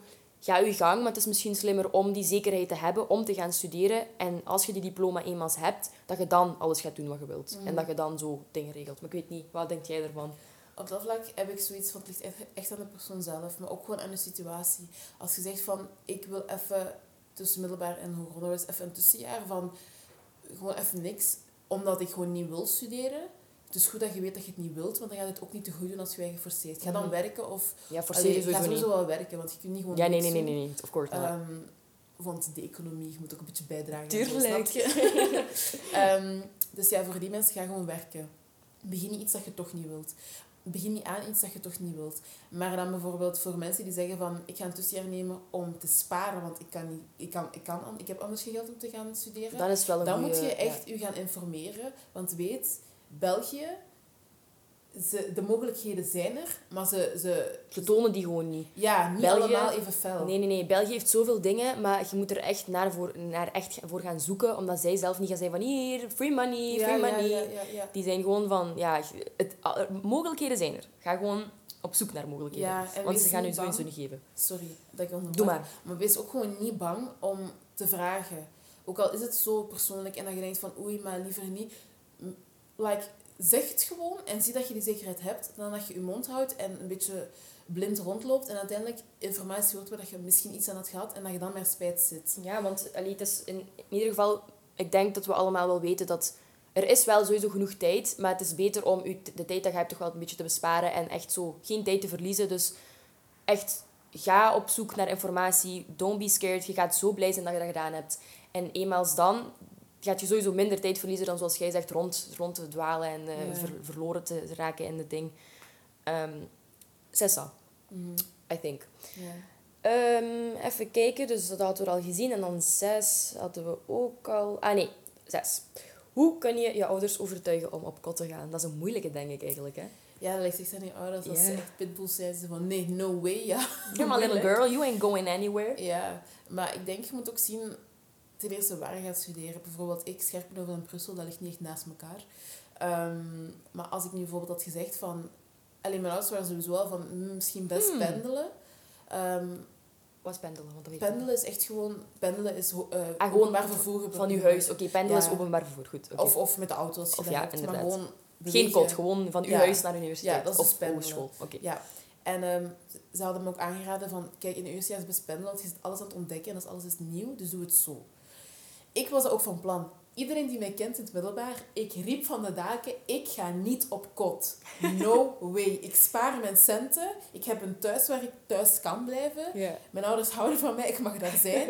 Ik ga niet weg. What did I do? I, I went. You left. Waarom?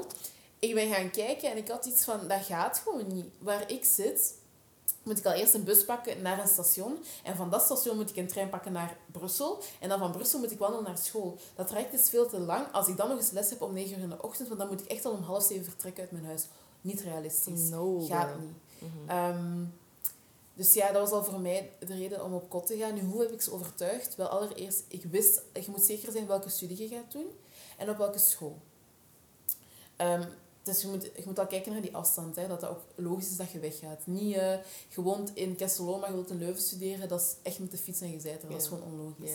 Ehm, maar dan ook je zelfstandigheid. Mijn ouders wisten van mij... Kunt je dat aan? Ja, kunt je dat Kunt je wel dat aan? aan? Kunt je dat wel aan? Alleen Zowel- wonen.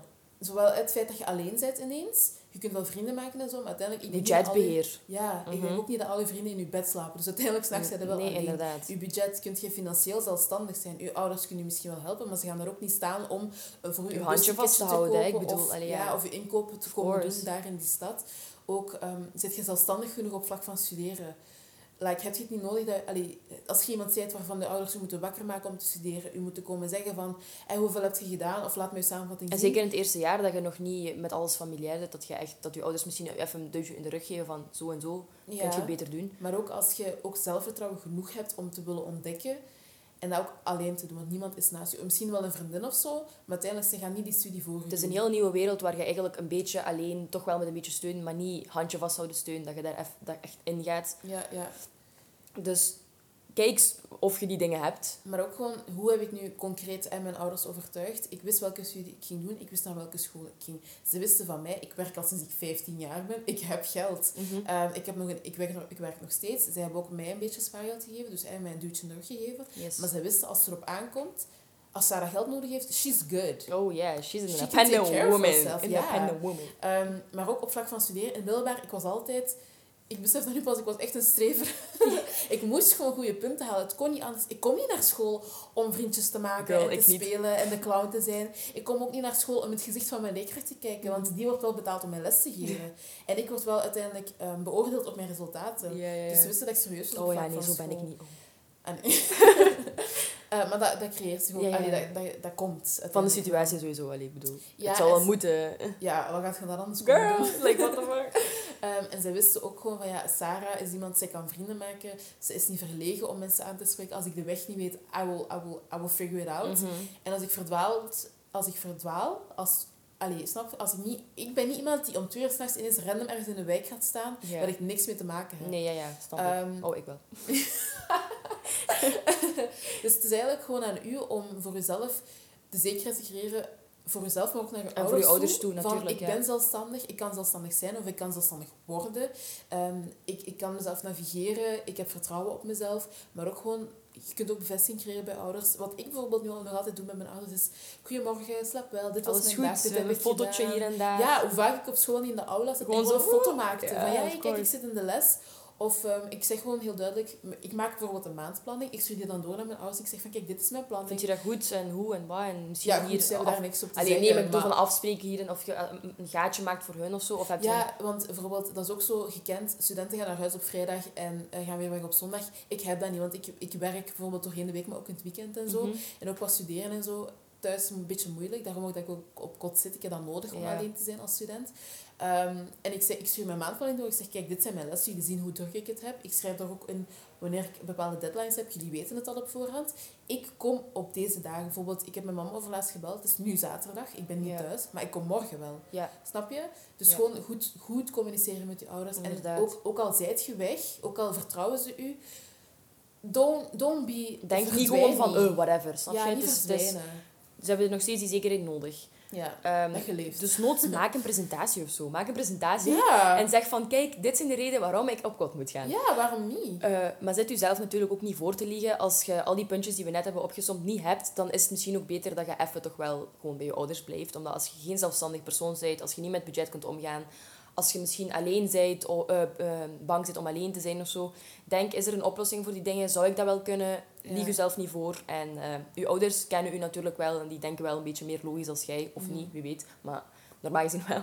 Maar op vlak van kot ook gewoon het, klinkt allemaal mooi en wel, maar wees ook heel realistisch. Of course. Het is niet elke dag feesten. Iedereen wil op kot voor feestjes en zo, maar het is it's not about that, oké? Okay? Uh, het is wel, kijk, je kunt wel naar feestjes gaan, maar het is meer dan feestjes. Universiteit en hogeschool is more than that. Ja.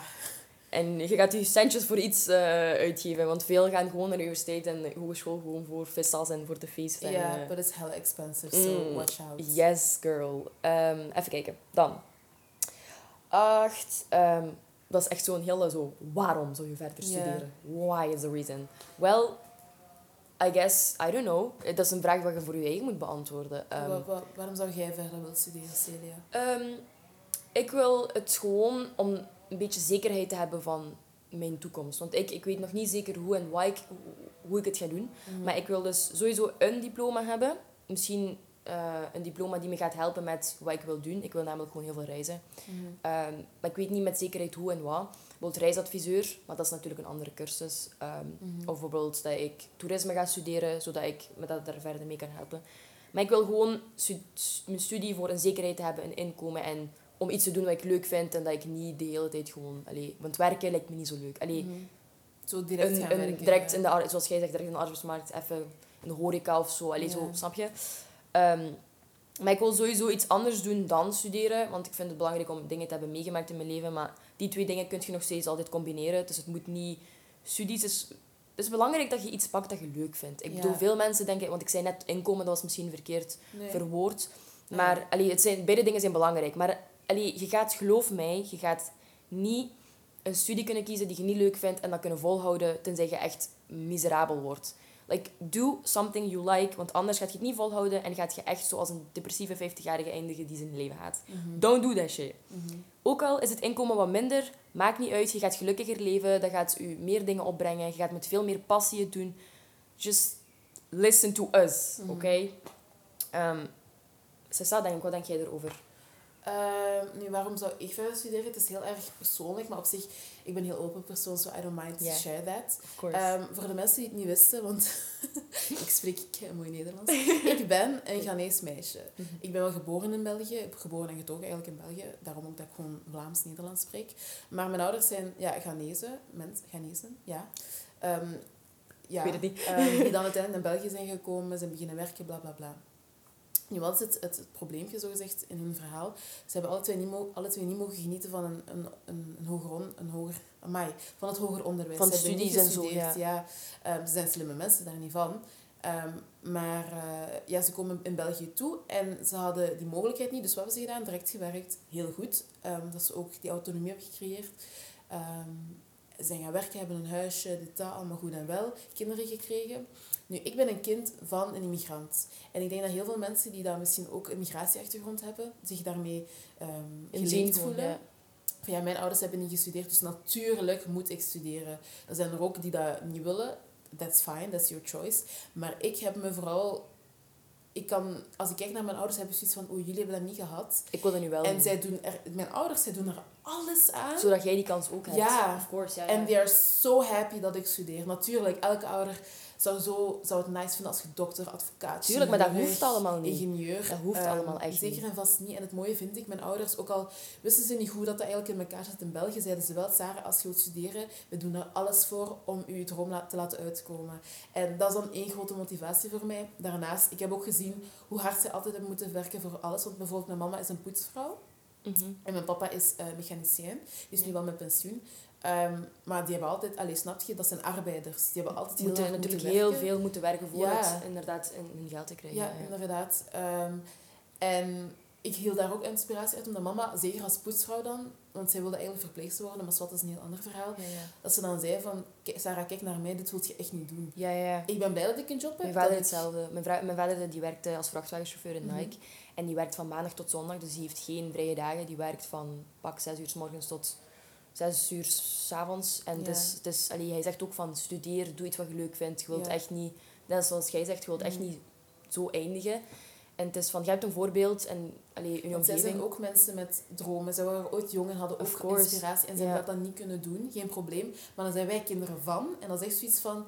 I want to do Leef hun droom. Want ook al doet je niet wat bijvoorbeeld uw vader wilde. Hij kijkt naar u en hij ziet u en hij denkt... Oh ja, Celia, zij doet wat ze wilde. Ja. Dat is wat ik ook wilde. Maar dat moet natuurlijk geen reden zijn om bijvoorbeeld als je vader graag dokter wou zijn, dat jij dat moet doen. Allee, Ja, het is, nee. voel je niet verplicht. Eh, je moet natuurlijk, zoals ik al zei, blijf gewoon dingen doen die je leuk vindt. En ik denk, je ouders gaan sowieso al blij zijn dat je iets wilt doen met jouw leven. Ja, maar als ik daar nog verder op inga, want ik was eigenlijk een beetje te ver Oh, uitgeweid ja, op dat van de ja. ouders. Ehm, dus waarom zou ik zelf verder willen studeren? dus wanneer de mama altijd dan zei van, ja, kijk naar mij, hè, ik doe dat... Ik vind de mensen wel leuk, maar poetsvrouw, niemand droomt ervan om poetsvrouw te worden.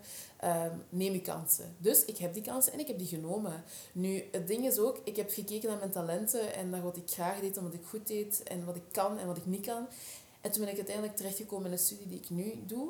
En echt waar, oh, als ik erover vertel, ik kan uren blijven verder gaan over hoe leuk ik het vind. En zo zou het moeten zijn. Zo zou het Ja. moeten zijn. En sociaal werk, iedereen weet, je wordt niet sociaal werken om... Daar, daar word je niet rijk van, zeker nee, en vast niet. Ja. Maar het is, mijn passie zit er wel in. En als ik met mijn passie en mijn talenten een studie kan gaan doen... En dan later ook nog eens uit het financiële aspect een zekerheid heb op een inkomen. Of dat nu hoog of middelmatig of whatever is.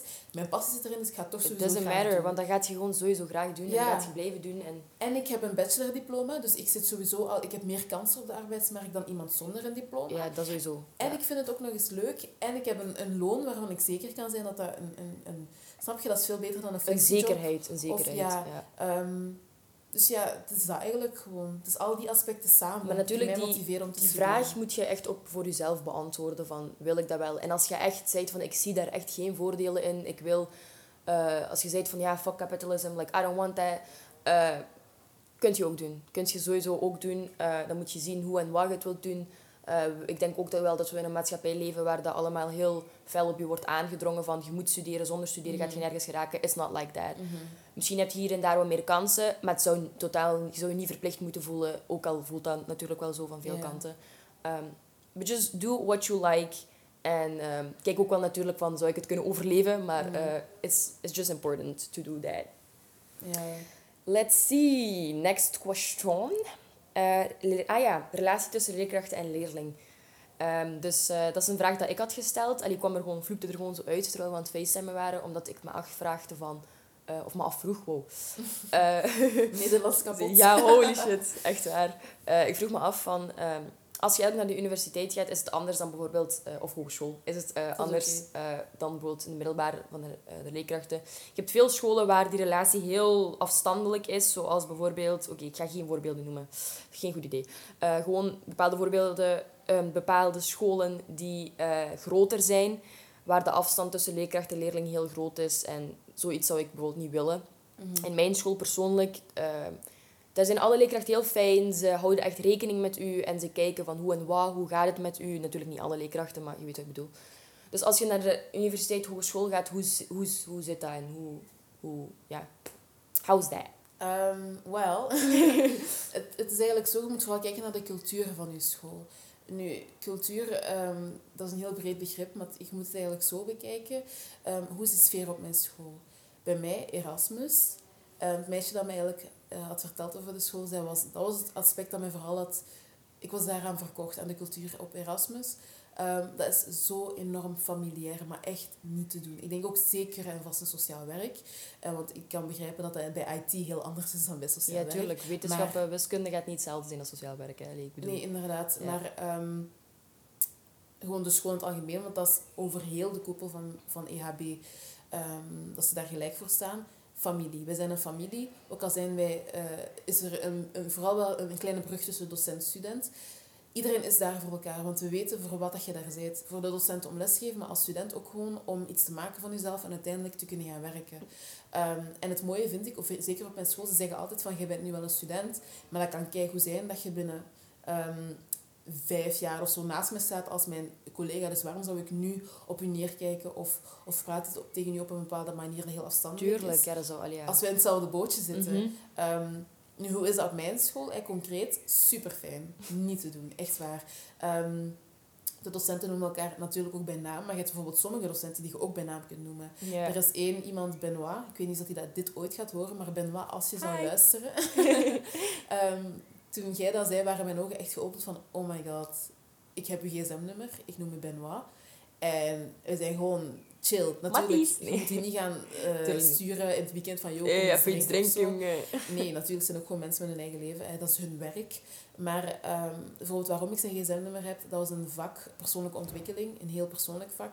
Waarin hij zei, moest je ooit vragen hebben, stuur me een sms'je. We kunnen dat regelen. We praten met elkaar. Um, nu voor mijn andere docenten... Um, zij zijn ook gewoon, zij komen aan op school, zij vragen van, hey, hoe is het met jullie? Lukt het een beetje met de vakken en zo? Um, voor mijn vak heb je feedback, wil je dat ik iets op een andere manier doe? En als je dat zegt, er wordt ook echt naar je geluisterd. Er was een docent bijvoorbeeld, en we hadden over laatst een gesprek um, bij het vak sociale ongelijkheid over um, racisme en discriminatie op bepaalde uh, gebieden in onze samenleving. Ja. En daarna hadden we de les psychologie. Nu, mijn docent psychologie komt binnen in de aula, die wacht tot de les gedaan is om haar les te beginnen, en ze hoorde dat. En ze was zoiets van, wow, deze discussie is eigenlijk stopgezet omdat mijn les nu is, maar ik wil die wel verder zetten. Dus oh wat heeft zij gedaan? Ze heeft gezegd, de laatste lessen heb ik toch geen les meer. Laten we een van die lessen inplannen als een discussiemoment. En dat gaan we nu oh, ook doen. Dus nu aankomende maandag heb ik in de les psychologie, die eigenlijk niks met die discussie te maken had, want zij had er ook niks mee te maken. Mm -hmm. Zoiets van, yo guys, kom we gaan daarover praten, een beetje leren. Oh, why not? Ja, ja, En ook het iets gaan drinken met docenten.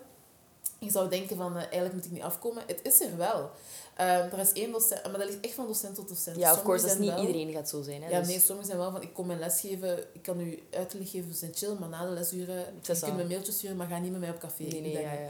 Maar anderen dan weer wel. Mijn opleidingshoofd bijvoorbeeld, waar je zou denken, dat is echt heel afstandelijk, die zei ook gewoon op het einde van het semester, als, we, als alles gedaan is, er zijn geen vragen meer en er zijn studenten die willen praten na de lesuren, we hebben allemaal tijd, kom we gaan op café, waarom niet? Dat is wel echt heel nice, of course. Dus, uh, ja. ja. En um, wat wil ik nog vragen? Ah ja, dus dan, dat is natuurlijk belangrijk dat je bijvoorbeeld, zoals we zeiden in het begin, contacteer mensen die daarop zitten, zodat ze een beetje kunnen uitleggen hoe de vibe zit. En allee, aan het einde van de dag, de leerkrachten zijn degene die u moeten vormen. Hè. Mhm. Wat moet je eigenlijk doen als je uh, een luie persoon bent en als je eigenlijk... Bijvoorbeeld, stel met plannen, dat hadden we daarnet al een beetje besproken. Mhm. Maar ik persoonlijk, ik weet, het gaat moeilijk zijn om uh, echt erin te gaan van, want nu bijvoorbeeld, ik doe echt niet zo heel veel voor school, want mhm. ik voel de druk niet zo heel hard. Maar ik denk, eenmaal dat je universiteit, hogeschool zit, dat je dat wel echt heel hard, hard gaat voelen. Um, die druk op zich, ja, het is gewoon zo, ze zijn daarvan, je weet wat je hier komt doen. Ik ga niet echt even aanzetten om een samenvatting te maken. Zie maar dat je het gedaan tegen de examens. Mhm. Niet, ze doen niet zo tegen u, maar ze weten wel dat het zo je is. Je voelt het wel zo aan. Nu, hoe kun je voor jezelf uh, een soort van mechanisme creëren dat je wel doet wat je moet doen? Um, is je ja, plannen. Dat, dat, dat raad ik iedereen aan. Of dat nu een maandplanning of een weekplanning is. Zorg gewoon dat je op voorhand al weet op welke dagen je welke lessen op welke uren hebt. Je dan ook gewoon bijvoorbeeld inplant van wanneer je gaat werken in die week. En als je dat ziet, dan kun je heel duidelijk ook al zien van... Bijvoorbeeld, ehm, maandag heb ik les tot 16 uur en dan daarna ben ik vrij en morgen heb ik dus terug les om 9 uur s ochtends. Dan weet je, tussen 16 uur en de volgende dag heb je keihard tijd om misschien al samen te vatten voor een bepaald vak of af te spreken met vrienden of uw was te doen of ik weet niet wat. Um, snap je? Dus je moet die momenten echt inplannen. Maar één ding sowieso voor iedereen die planningen maakt, want het kan allemaal mooi klinken, maar hou je er ook aan. Dus maak een haalbare plan. Ja, dus wat we net ook zeiden van maak het niet te moeilijk voor jezelf. Allee, zeg niet van, oké, vandaag ga ik dit doen, vandaag ga ik dat doen. Ik ga 500 hoofdstukken zien, 500 pagina's. Like, dat heeft toch allemaal geen nut, want zoals je zei, de, uh, teleurstelling, de teleurstelling inderdaad gaat heel hoog zijn als je dat niet gaat halen. Mm maar als je, en ja, bijvoorbeeld, kent je mensen die geen planning maken en nog steeds halen? Of, die, of echt iedereen in de universiteit en de hogeschool plant? Goh, op zich, um, ik heb al mensen gekend die bijvoorbeeld niet studeren en hun examens halen. Dus je hebt echt... Ciao! Ja, je hebt echt alles op de wereld kan eigenlijk op vlak van studeren. Het is heel persoonlijk. Um, je kunt bijvoorbeeld zeggen van, ik, ik, ik, ik, ik doe gewoon maar iets elke dag. Ik sta op en ik zie maar wat ik doe. Maar ik bijvoorbeeld, ik kan zo echt niet werken. Omdat ik dan heel onzeker word en een beetje faalangst vind krijgen, ja, bla bla bla. Um, ik raad het iedereen gewoon aan. Ook al denkt je van, ik weet het wel, schrijf het gewoon op. Mm -hmm. Ook al kijkt je die plan en denkt van, oh ja... Herhalen, misschien elke dag een beetje herhalen. Sowieso, allee, nee, misschien niet gewoon doen. Allee, ik bedoel, elke dag een beetje herhalen wat je gezien hebt. Um, dat is ook soms zelfs niet haalbaar. Want ik heb bijvoorbeeld over laatst deze week nog bijna elke dag les gehad van 9 uur s ochtends tot 6 uur s avonds. Dan zit je gewoon moe en is gewoon van, I don't want this shit. Ja, en dan nog helemaal gaan herhalen en samenvatten, dat, dat kan gewoon. Oké, maak het gewoon haalbaar. Ja. Voilà. Um, en Cessa, denk ik, dat waren denk ik de vragen. Allee, het waren een bunch, like heel veel. Ja. Um, dus ik hoop dat jullie, jullie vragen allemaal beantwoord zijn ongeveer. En uh, we hadden al gezegd van als er vragen zijn, kijk over de universiteit. Ik ga je daar niet heel veel over kunnen helpen. Maar als je gewoon steun nodig hebt, kun je mij een berichtje sturen. En ja, Sarah sowieso als, uh, als het over de universiteit gaat gewoon. Ja, als je nog vragen hebt over de hogeschool. Of hogeschool. Of ja, gewoon verder studeren in het algemeen. Ja. Uh, mocht je mij sowieso contacteren um, op Instagram. Want daar ben ik het meest actief op. Um, moet ik mijn naam nu zeggen of gaat je dat? Ja, zeg gewoon, zeg gewoon Ja, Sarah Giassi. Dus dat is Sarah zonder H. En dan Giassi is G-Y-A-S-I. Dus dan tegen elkaar op Instagram. Je kunt me altijd een berichtje sturen als je bijvoorbeeld een bepaalde situatie hebt en dat je niet, weet, niet goed weet wat je moet doen hit me up, ik doe mijn best om je te helpen. Maar ga me alsjeblieft niet vragen om je studietoelage te berekenen, want... Weet, uh, zoals we al zeiden, we zijn niet goed in wiskunde, dus dan moet je echt niet naar ons voor te komen. Um, nee, nu, nu het laatste wat we wel nog gingen bespreken, was dan die hele specifieke situatie van de persoon. Ah ja, goed. Oké, dat is iets anders. Um, even nog snel zeggen, ik zal gewoon alle informatie over haar ook gewoon uh, in de podcast zelf beschrijving. Dus uh, als jullie iets willen, kijk gewoon even snel naar de beschrijving. Ik zal haar Instagram erop zetten. Maar nu, er was nog uh, een persoon die echt een specifieke situatie had en we zullen haar een beetje ermee proberen allee, helpen. Ah, ja, okay. ja, ik zal het goed samenvatten. Goed, dus deze persoon in kwestie is uh, 14, 15 jaar, denk ik. Zit in het derde middelbaar, ja. werd er gezegd.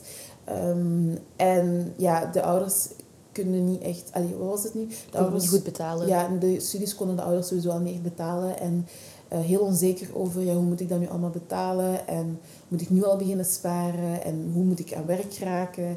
Um, en ook gewoon, die persoon is al nu al bezig met het verder studeren. Ik ga je nu al heel eerlijk zeggen, in het derde middelbaar, zie maar gewoon dat, alleen niet zie maar gewoon, maar zie vooral dat je je in het middelbaar heel goed doet. Dat je daar je examens haalt en je toetsen goed maakt en je taken en zo.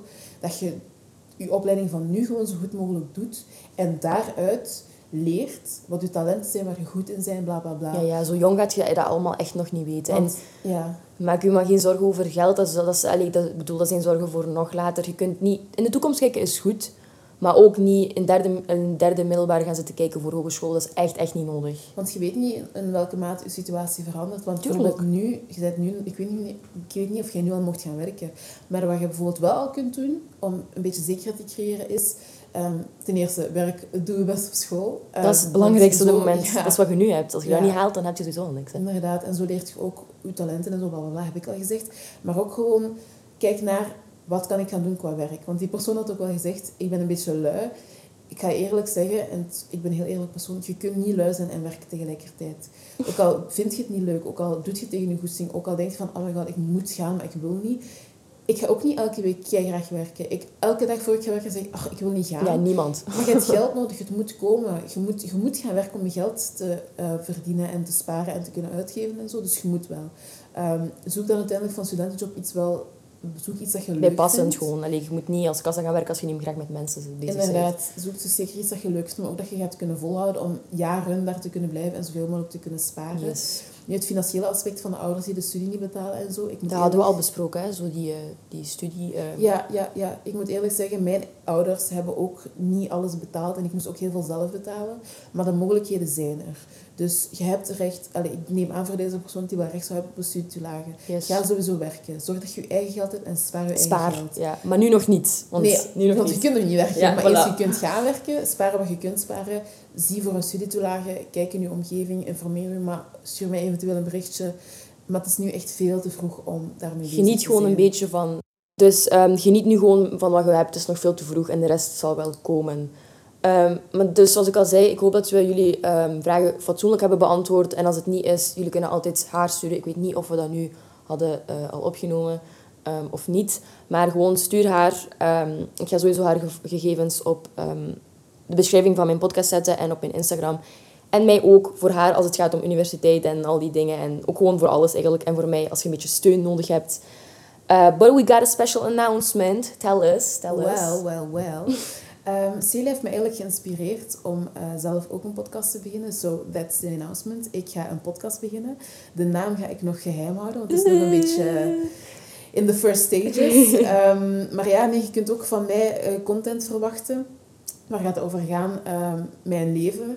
Uh, maar ik ga niet een, een vlog in een podcast steken, nee, helemaal nee, nee, niet. Maar gewoon mijn ervaring in het leven, bepaalde dingen, hoe ik er naar kijk, hoe ik het aanpak. ik ga ook proberen mensen te helpen, zo goed mogelijk met bepaalde onderwerpen en zo. Misschien ook met mensen praten zoals jij en ik. Misschien Ja, komt jij een ook in mijn interview. Oh, dat lijkt me zo leuk. Ja. Oké. Ehm, so yeah, just uh, keep an eye open. Ik ga alvast sowieso luisteren. Ehm, en ja, kijk sowieso ook op mijn profiel. We zullen ehm, waarschijnlijk nog, sowieso nog in contact blijven, like a girl. Ehm, en ja, het is echt al een super lange podcast geweest. We hadden allebei zoveel van praten.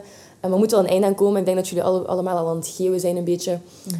Ehm, maar zoals ik altijd op een, het einde van mijn podcast doe, ik geef altijd een soort van opdrachtje wat jullie moeten doen. Eh, Ik hoop dat jullie jullie vorige opdracht hebben gedaan. Eh, eh, nee, jullie opdracht van vandaag voor volgende week, als ik een volgende week een, eentje ga opnemen, want waarschijnlijk ben ik weer te lui, maakt niet uit, is ehm, kijk een beetje zoals ik doe bijvoorbeeld als je zo boekjes hebt van Brussel, van de universiteit of van, of van de hogeschool. Markeer al een beetje, ga informatie zoeken, ga YouTube-video's kijken. Ehm, ik bedoel, allee, ik weet dat jullie het misschien wat druk gaan hebben met examens en zo, maar het is, als je ergens vrije tijd hebt, in plaats van op TikTok te zitten scrollen, of in plaats van weet ik veel wat te doen, ehm, ga een beetje informatie opzoeken met wat je wilt doen. Mhm. Maar Sessa, nog iets toe te voegen? Nee, gewoon echt merci om te luisteren aan jullie. En Celia, jij dankjewel dat ik hier mocht zijn. Yes, of Het was echt super fijn en hopelijk eh, hebben jullie er iets aan gehad. And uh, we love y'all so much. Thank you for listening. En tot de volgende keer. Bye. Bye.